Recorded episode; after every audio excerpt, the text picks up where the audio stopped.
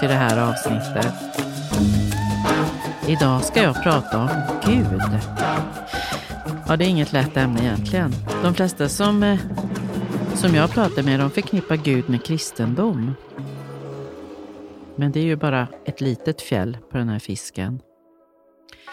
Man kan ju också prata om källan, kraften, universum, alltet. Men för enkelhetens skull så säger vi Gud nu, så ni vet vad jag menar. Och nej, jag är inte kristen. Jag är alldeles för rebellisk för att följa något religiöst regelverk. När jag var liten så gick syrran och jag på söndagsskolan. Jag vet inte om det finns längre. Vi hade lärt känna ett äldre par som var medlemmar i Pingstkyrkan, Ellie och Arvid. Och vi fick följa med dem dit på söndagarna. Mamma, som på den tiden var medlem i VPK, Vänsterpartiet kommunisterna alltså, tyckte att det var bra att vi fick en allsidig utbildning. Vi tyckte ju att det var jättekul när vi fick vara med och pyssla. Men först så var det bibelberättelser med hjälp av pappfigurer på en plyschtavla. Och de barnen som lärde sig bibelverser utan till fick guldstjärnor. Ja, så gammaldags var det. Mamma, hon hade sagt att Jesus var världens första kommunist som predikade allas lika värde. Men eh, när jag och syrran då frågade söndagsskoleläraren varför bara några få barn fick stjärnor, när Jesus ändå hade sagt att alla var lika mycket värda, då fick inte vi vara med längre. När jag kom upp i tonåren så tyckte ju jag att hela gudgrejen var ytterst förvirrande. Jag kunde inte förstå varför Jesus skulle lida och plågas halvt naken i simpla sandaler medan präster och biskopar med guldspiror och broderade kåpor pradade runt i guldförgyllda kyrkor. Jag kunde heller inte förstå varför oskyldiga människor fick lida och svälta runt om i världen. När det var dags för konfirmation så sa vår radikala mamma, Jaha flickor, ni kan ju få konfirmera er om ni vill, eller så kan ni få åka till Malta med mormor. Ni förstår ju själva, det var ju inte så svårt att välja. Vi åkte till Malta med mormor.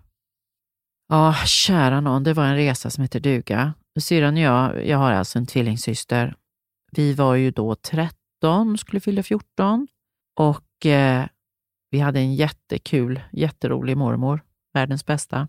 Och när vi hade installerat oss där i Malta så var vi runt och, och tittade på alla sevärdheter och även kasinon. Så mormor lärde oss hur man gick på kasino.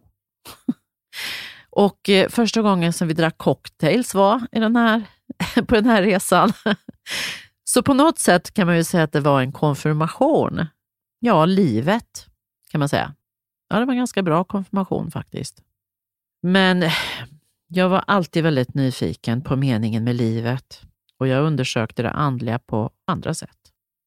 Mormor då, hon lärde mig att spå i kort, vanliga spelkort. Som, ja, det här tyckte jag var jättespännande, som jag då provade på alla mina väninnor och så vidare. Det var ju populärt, men det var ju bara någonting som jag gjorde för mitt eget höga nöjes skull. Men jag spådde familj och vänner och, och eh, när jag var 17 så fick jag en tarotkortlek, eh, Reiders eh, klassiska tarotkortlek i, i present. Och även om det på något sätt kändes naturligt och bekant så var det en helt ny spännande värld att titta in i. På den tiden så hade jag inte så mycket koll på det med symboler och arketyper. Arketyper är en väldigt bra nyckel till att förstå människor och världen runt sig. Och som jag minns det så var det ju Carl Gustav Jung, en eh, känd psykolog och, och pionjär på området, som skapade det systemet eller första gången skrev om arketyperna. Och Jag tror att det var i den här vevan som jag också fick tag i böcker från Carlos Castaneda. Och Carlos Castaneda skrev en väldigt känd serie om eh, sin resa som shamanlärling till en eh, indian i eh, Sydamerika.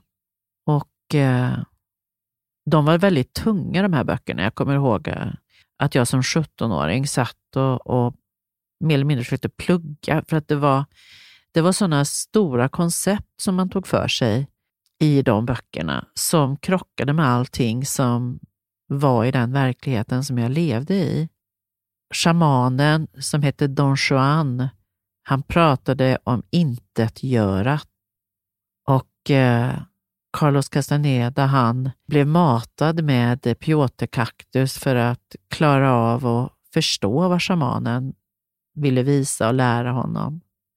Shamanen pratade om att världen hängde ihop i eh, trådar. Allting var förbundet med varandra.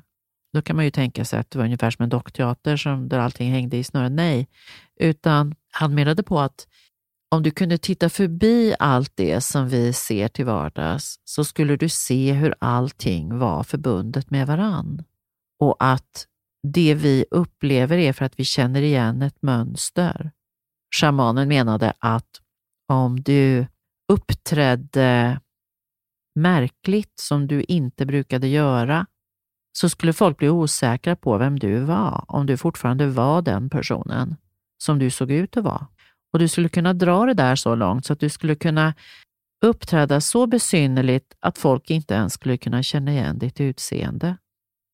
Shamanen pratade också om de olika världarna och att du kunde kommunicera med djuren och naturen. En bra shaman hade bundsförvanter. En bundsförvant kunde vara ett djur som du själv kunde låna kroppen till.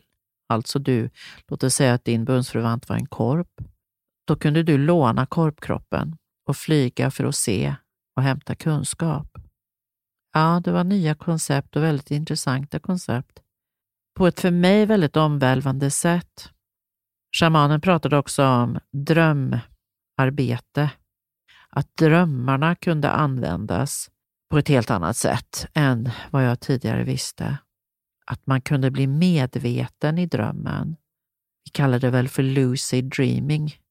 Men att träna på att bli medveten i drömvärlden var en väldigt viktig eh, kunskap inom shamanismen. Och att mycket av shamanens jobb pågick där.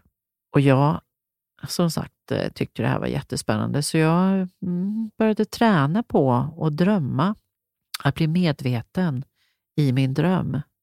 Shamanen hade sagt att man skulle mm, koncentrera sig på en eh, mm, adress som man ville uppsöka.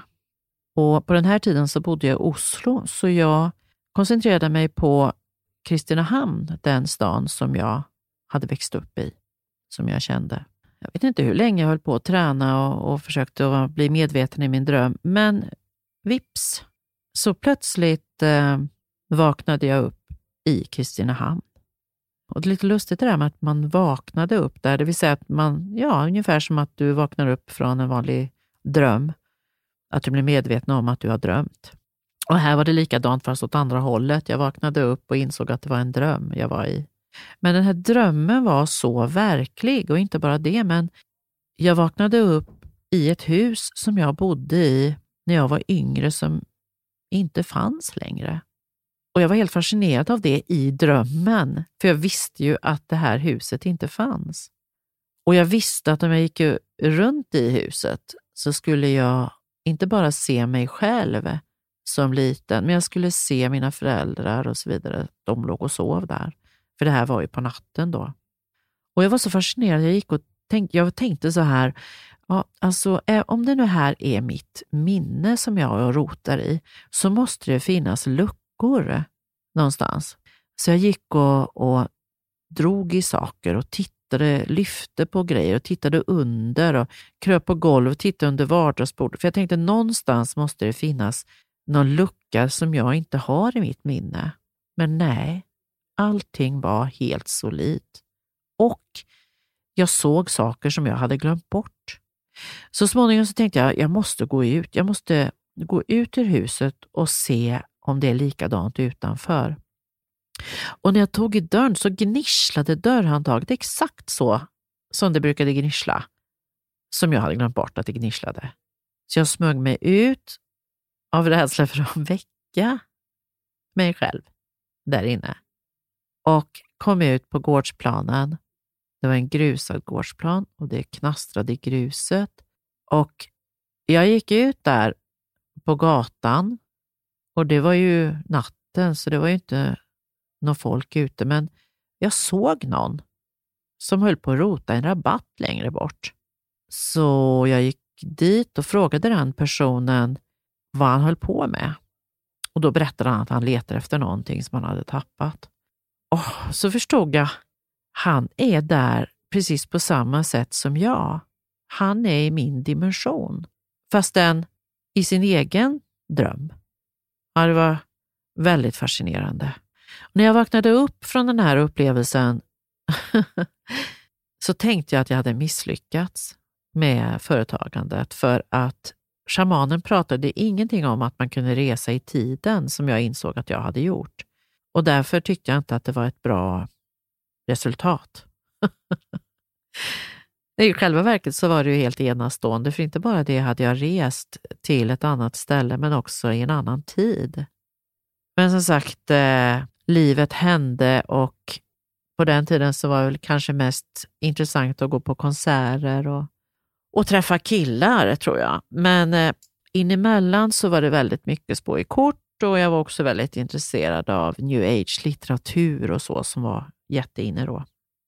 Jag vet till och med vid ett tillfälle, för min syster, vi bod, när vi bodde i Oslo här nu då, så min syster hon eh, började göra eh, närradio tillsammans med en annan tjej i Oslo. De gjorde oftast nattradio med musik och så. Och så bjöd de in mig någon natt där jag skulle spå i kort över radion, Eh, direktsändning. Och folk skulle då kunna ringa in. Jag tror de kallade mig Madame Heidi eller något sånt där löjligt. och eh, det var ju bara mer som en ploj, men eh, ja, alltså mm, det här centralbordet dit folk ringde in bröt ju ihop, för det var ju så många som ville bli spådda i kort. Så att eh, det var ju svårt ens att, att komma in här på, på kanalen.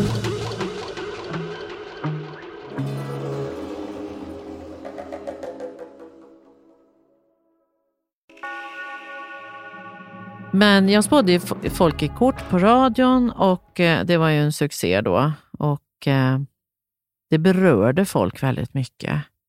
Sen har man ju fått frågan, ja men varför fortsätter du inte att spå i kort? Men kort och spå i kort har alltid varit bara ett sätt att förhålla sig till världen, inte någonting som jag någonsin skulle kunna tänka mig att göra för pengar eller så. Ja, det andliga arbetet för mig har jag väldigt svårt att, att koppla ihop med pengar överhuvudtaget. Det är verkligen en annan nivå. Men det jag inte tänkte på medan jag höll på med att spå i kort, det var att jag tränade mig själv. Jag tränade min eh, känslighet och, och, min intuition. För det är ju så man gör när man ska lära sig någonting. Man håller på och håller på och håller på. Och när jag var 23 så blev mamma sjuk i cancer. Och eh, jag visste, jag fick en syn kan man säga. Jag såg mammas begravning, vilket ju var fruktansvärt. För jag insåg att det fanns inget hopp.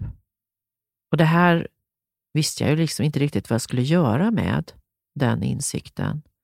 Mamma hade precis åkt in till sjukhuset på undersökning Ingen visste vad det var som var fel med henne, men jag såg hennes kista och en begravningsceremoni. Pappa som jobbade jättemycket, han drev en båtmarina och det här var på våren och det var högsäsong. Jag blev förtvivlad för mamma hade åkt in själv till sjukhuset och jag visste att mamma hade inte så lång tid kvar. Och hur skulle jag hjälpa mamma? Jag var i Sverige, hon i Norge på sjukhuset och pappa var en timme körväg därifrån. Allting blev så avskalat och oviktigt. Det som var viktigt var mamma och att hon inte skulle vara själv. Jag ringde till pappa och sa att pappa, du måste åka till mamma. Du måste, ja men jag jobbar. Nej men det spelar ingen roll. Du måste åka till mamma. Och han, eh, han var ju rätt, pappa var en väldigt bestämd man, men på något sätt tror jag han hörde på min röst att det var någonting som var viktigt. För han sa bara okej. Okay. Sen gick det 15 minuter när han ringde igen. Och så sa han, de har ringt från sjukhuset och säger att hon har en obotlig cancer och att jag måste komma och hämta henne. Hur man nu i all sin dag kan ringa över telefon och säga så till någon. Så han åkte ju naturligtvis i ilfart till sjukhuset för att hämta henne. Och sen funderade jag på hur ska jag göra för att hjälpa mamma? För jag ville inte att hon skulle förlora hoppet. Jag ville inte att någon skulle förlora hoppet. Jag ville inte tala om för någon att det är kört. På något sätt så tror jag att allt det här var som en slags extrautbildning, en extra kurs som jag hade blivit inskriven på när jag började studera de här sakerna. Jag, jag vet inte hur, men jag hittade en känd healer, en gammal gubbe som bodde i Eda uppe i Värmlandsskogarna. Så jag övertalade mamma och pappa att vi skulle åka dit. Nu var ju alla råd dyra för sjukvården hade ju redan gett upp henne. Så jag och syrran och pappa och mamma åkte till Sture. Och Sture bodde i ett litet torp och där bakom huset så hade han en, en, en täppa där han sådde allt han åt. Det var till och med en pyramid där. Ja, det var lustigt. Det var mycket som var konstigt hos Sture. Och dit åkte folk med alla möjliga krämpor och han hilade dem. Ja, tänker kanske många. Vad var det för någon charlatan då? Men jag vågar påstå att så var det inte alls. Han var på riktigt. För han tog faktiskt inte betalt. Han hade en liten bössa ute i hallen och han sa att om man var intresserad kunde man lägga några kronor där. Annars så ville han helst ha matvaror som betalning. Sture jobbade jättehårt med mamma och han bad mig att hjälpa till vid ett tillfälle. Han mm, bad mig att hålla en hand på mamma och sträcka ut den andra armen. Han gjorde något som, kallas för, som jag vet nu kallas för kinesiologi. Han använde min utsträckta arm som en spak för att svara på hur mamma hade tagit hans behandling. Han sa saker tyst för sig själv och så försökte han att trycka ner min arm. Och, och det var antingen ja eller nej om den här armen gick upp eller ner. Då. Och även om inte jag hörde hans frågor så förstod jag att han inte kunde hjälpa mamma. Han hade säkert hilat allt i hennes kropp förutom cancern. Jag kunde riktigt se den här cancern där inne. Det var liksom som en illasinnad varelse som hade krupit in och lagt sig runt hennes tarmar och gömde sig väldigt noga för någon som hette Sture. När vi åkte därifrån så sa Sture till mig, jag har någonting som du ska ha. Jag kommer förbi Kristinehamn och lämnar det till dig. Då fick han telefonnumret hem till oss så han kunde ringa när han åkte. Vi pratade aldrig, jag och Sture, om någonting eller han visste inte vem jag var. Eller... Men en vecka senare så kom han i en liten skruttig bil till Kristinehamn och lämnade över tre inbundna böcker böcker, alltså häften eller vad ska jag säga, till mig och sa att de här ska du ha. Och sen sa han inget mer utan han åkte iväg. Och de här eh, hjälpligt inbundna böckerna, jag vet inte vad ska jag kalla det böcker, utan det var alltså A4-sidor som var skrivna med skrivmaskin och ihopbundna. Och jag förstod att de var översatta från engelska. Någon hade översatt dem från engelska med hjälp av skrivmaskin och bundit ihop dem. Och de hette Life and the Teachings of the Masters of the Far East av Baird T. Spalding. Boken eller böckerna var skrivna 1890, så det var alltså exakt 100 år innan var de skrivna. Min mamma dog 1990. De handlade om ett gäng forskare som hade åkt till Indien för att forska på någonting. Där ledaren för forskningssällskapet blev approachad av en väldigt speciell man som jag minns det rätt kallades för Emil. Och den här Emil bjöd in forskarlaget med sig på en resa. Han berättade att han ingick i en grupp som kallades The Great White Brotherhood. Och att just de här forskarna blev inbjudna var för att de här mm, som ingick i den gruppen av The Great White Brotherhood hade bestämt sig för att försöka förklara eh, egentligen det som jag idag skulle kalla för kvantfysik, hur det funkar. Fast på den här tiden så var det ju ren magi.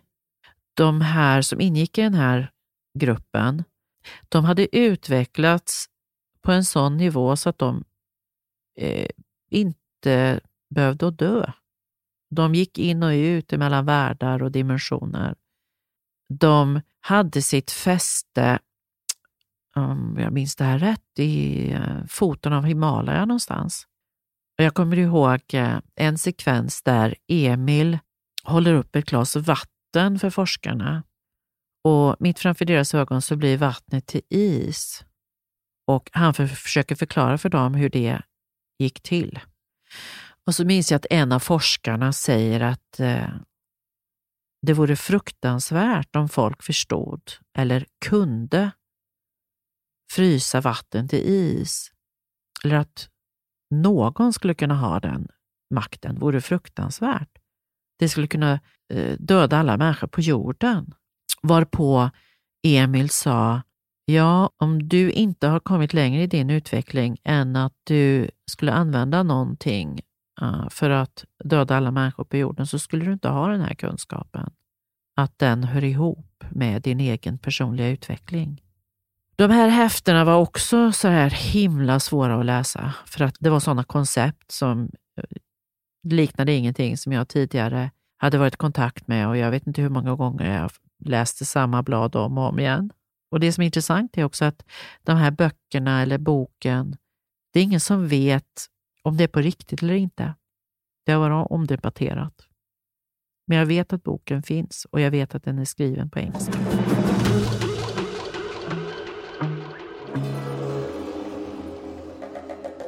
Många svenskar som man möter säger ju att de inte kan tro på något som de inte kan se.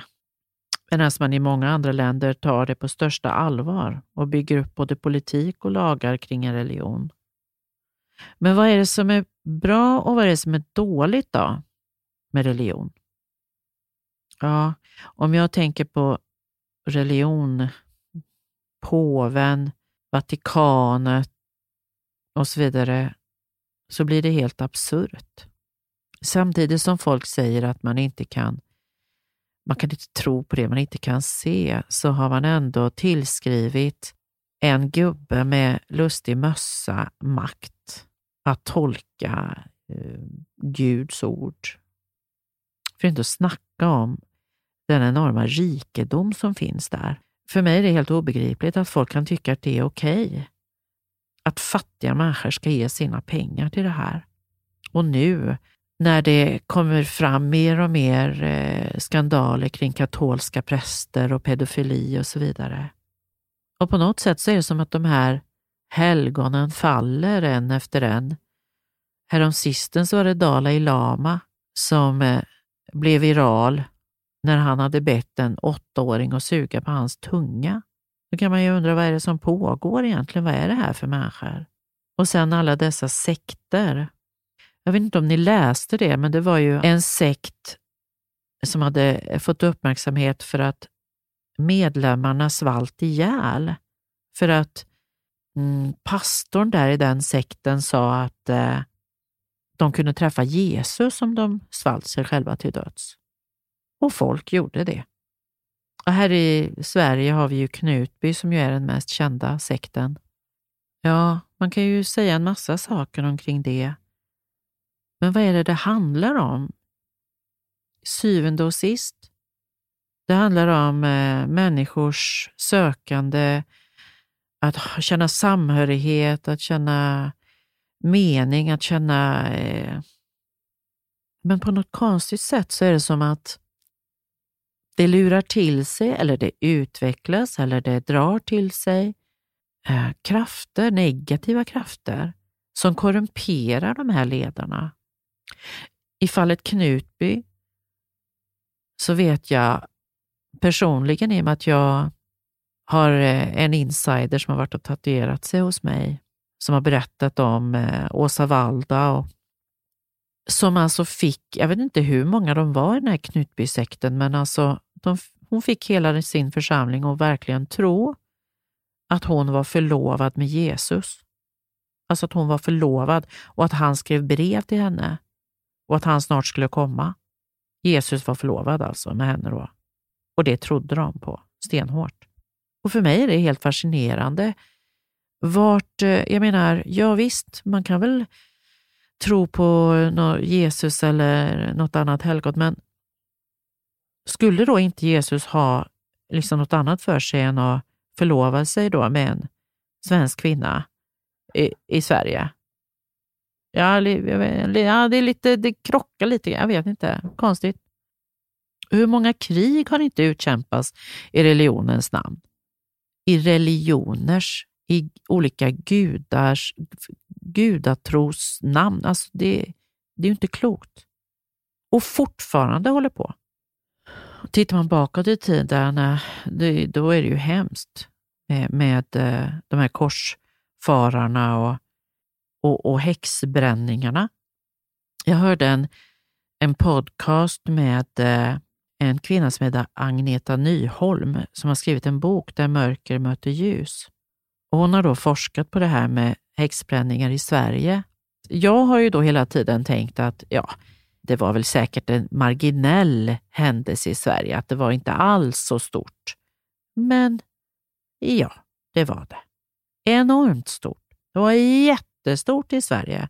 Men på något sätt så har alltså uh, har man lyckats att gömma undan uh, papper och, och uh, prästers dagböcker och så här som beskriver det här. För det finns ju alltså, ned, alltså prästerna var ju jätteduktiga att skriva ner de här berättelserna och, och rapporteringarna omkring det här.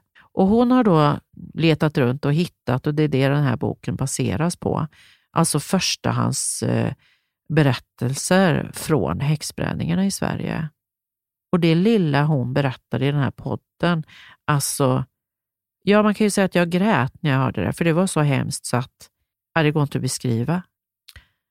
Och det fanns en intressant eh, grej hon tog upp med det och det var någonting som, som heter epigenetics. epigenetics. Och det är läran om att man kan ärva känslor. Inte bara att man ärver någons sjukdom, men du kan alltså ärva någons känslor. Eh, och det finns det djurförsök som bevisar, bland annat med möss där man har uh, fått möss att bli rädda för till exempel doften av körsbär genom att plåga dem när de känner den doften. Och ja, Det är ju klart att de lär sig att bli rädda för det då, men det konstiga är ju att deras ungar som aldrig har blivit plågade också är rädda för körs, körsbär, doften av körsbär. Så när hon, eh, författarinnan här, Agneta, eh, la fram en teori om att ja, om vi kan tänka oss då att det finns, eh, för, för alltså det är ju tusentals kvinnor som blev mördade under häxbränningarna.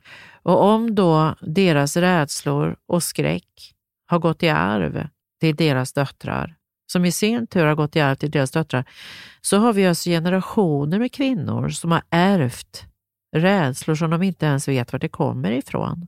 Och Det är intressant också att när hon, eh, författarinnan, säger att de första som som blev brända var de som var duktiga, de som kunde saker som inte alla, alla andra kunde. De var duktiga att hila. Det räckte med att de var duktiga att mjölka en ko, så var de misstänksamma. Eller att de var duktiga med grödor, att de var duktiga, att de var duktiga på någonting, räckte med att det var misstänksamt. Och om man tänker på det så måste det ju då medföra att jättemånga kvinnor lärde sig att det var farligt att vara duktig på någonting. Kan det vara så? Ja, vad tror ni? Å andra sidan, på den positiva sidan, så kan man ju säga att en religion kan vara ett bra regelverk kring etik och moral. Det finns ju många alkoholister och missbrukare som har klarat av att vända sina liv med hjälp av Gud. Att det ger väldigt många en mening och tillhörighet. Till exempel Stadsmissionen och Frälsningsarmén gör ju en fantastisk insats i samhället. Jag har också pratat med väldigt många som har fått hjälp av kyrkans diakoni faktiskt. Många år sedan så hade jag faktiskt en diakonissa som kom och tatuerade sig. Hon skulle gå i pension och eh, då var, var det tydligen så att man fick lämna ifrån sig halsbandet. Man får ett halsband när man eh, döps som diakonissa. Och det halsbandet får man lämna ifrån sig då eh, till biskopen eh, när man går i pension. Så hon ville att jag skulle tatuera in det här halsbandet, för hon ville ha, med, ha kvar den, ha med sig det, fast hon fick lämna ifrån sig det fysiska så att säga. Det tyckte jag var väldigt fint.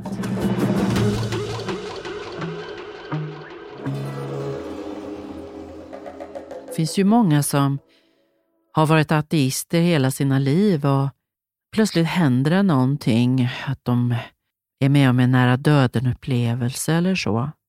Och så plötsligt förändras hela deras liv. De är väldigt intressanta. Det finns väldigt mycket böcker skrivna om det här, så jag uppmuntrar verkligen folk att läsa om det.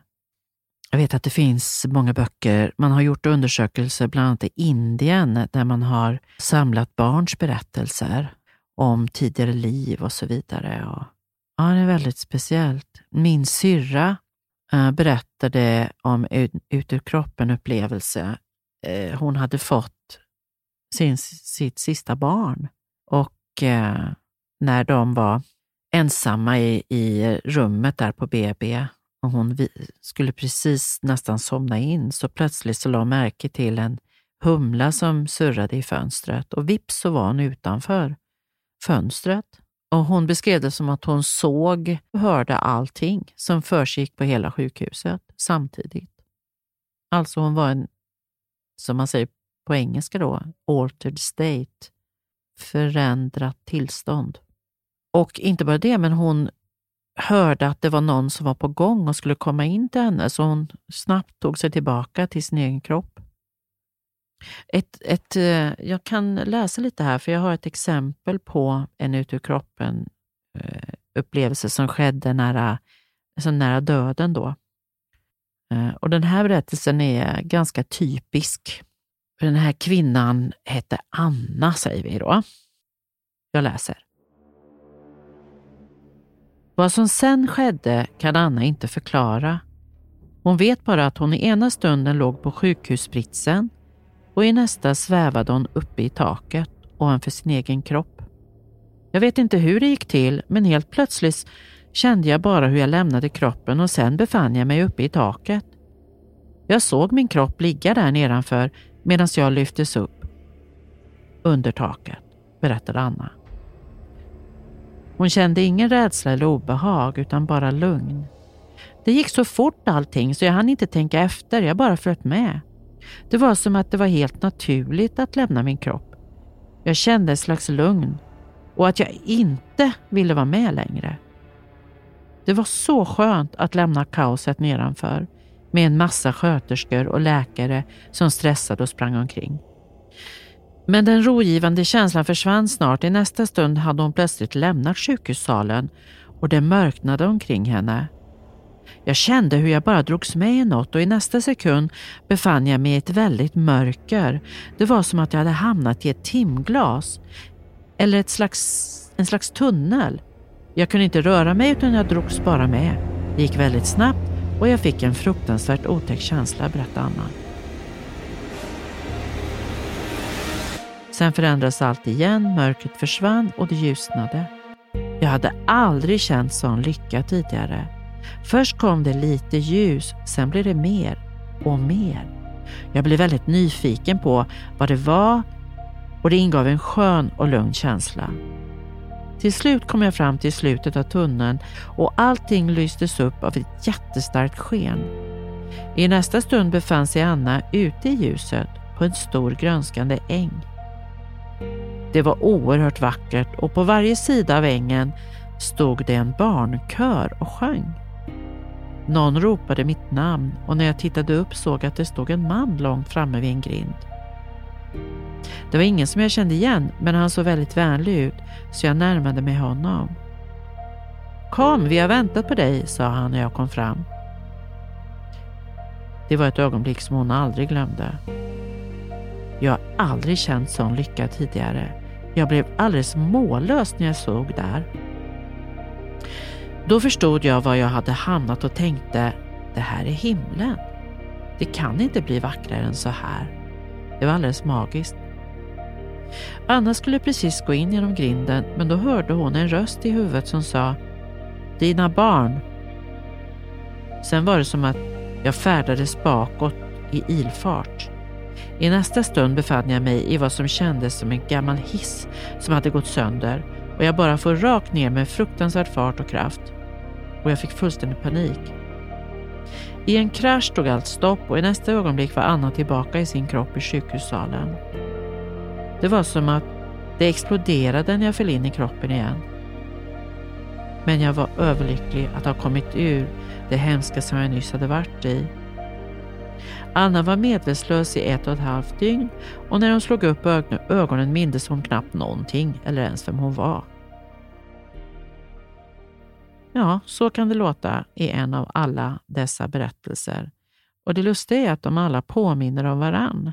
Och de flesta har med sig den här känslan i resten av sina liv. Och de flesta har helt enkelt bara slutat att bli rädd för döden på grund av detta. När det gäller ut ur kroppen-upplevelser finns det också massvis med litteratur. Jag känner till någonting som heter The Monroe Institute i USA som har hållit på och forskat på ut ur kroppen-upplevelser i säkert 40 år. Han som eh, grundade den eh, institutet heter Bob Monroe. Jag har lyssnat mycket på en fysiker och forskare som heter Tom Campbell, som har skrivit en bok som heter My Big Toe. Och han jobbade, alltså det vill säga han forskade på utekroppen-upplevelser på Monroe Institute i mer än 30 år. Han kallar Gud the system och menar att vi lever i en slags virtuell värld som är informationsstyrd. Ja, typ som ett mm, datorprogram kan man säga och att man kan tillgodogöra sig olika program. Det vill säga, låt oss säga att du är alkoholist och så hittar du Gud. Då tankar du ner alltså kristendomen kan man säga, som ett program. Och sen kan det ju vara så att du hittar andra program som gör att du överger det gamla programmet. Men det är väldigt intressant för Tom Campbell har, eh, har väldigt, han har, jag verkligen rekommenderar det, han har väldigt många intressanta Youtube eh, poddar som jag har lyssnat på, eh, där han beskriver sina egna erfarenheter. Alltså det vill säga, han, har själv, han pratar alltså ja, från sin egen erfarenhet och hans ut ur kroppen-upplevelser och, och sin forskning, seriösa forskning omkring det här. Och eh, som jag förstår det så har även The Monroe Institute protokoll, alltså de uppmanar folk att testa själv. Och de eh, har protokoll som visar hur man gör för att träna på det här.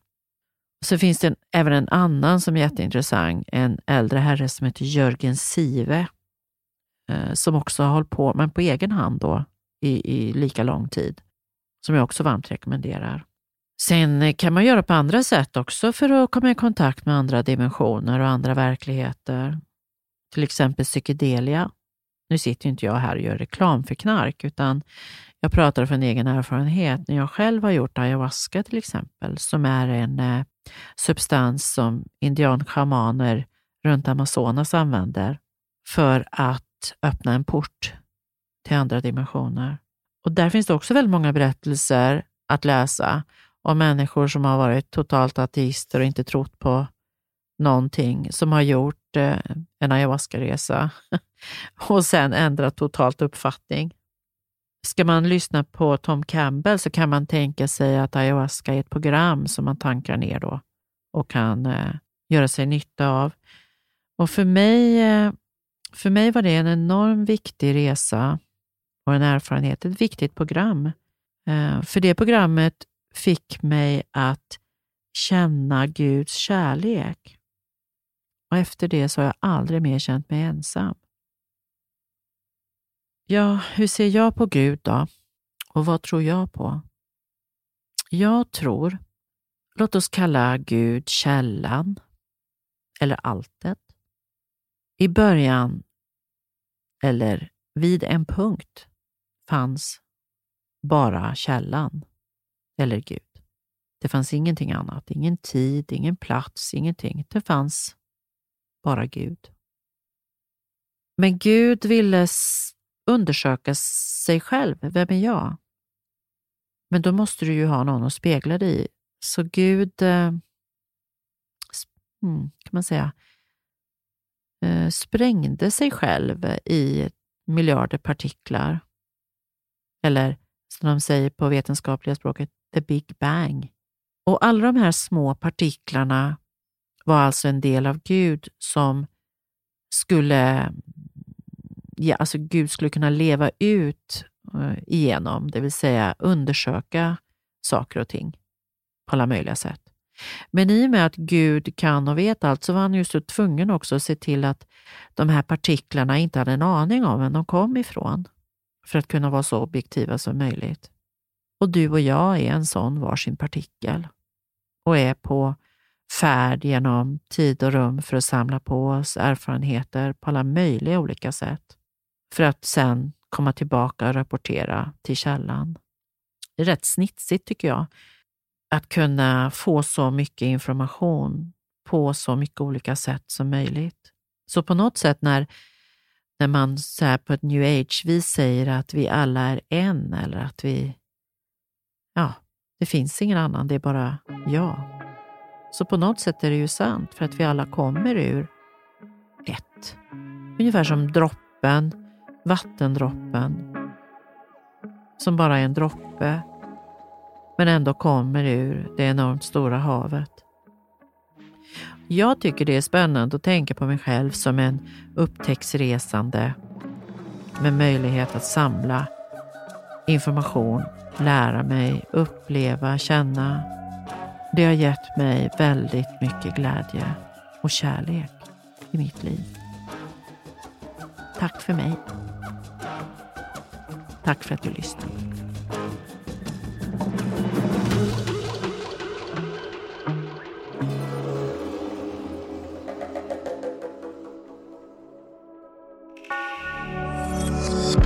Thank you for listening to this Polpo original. You've been amazing.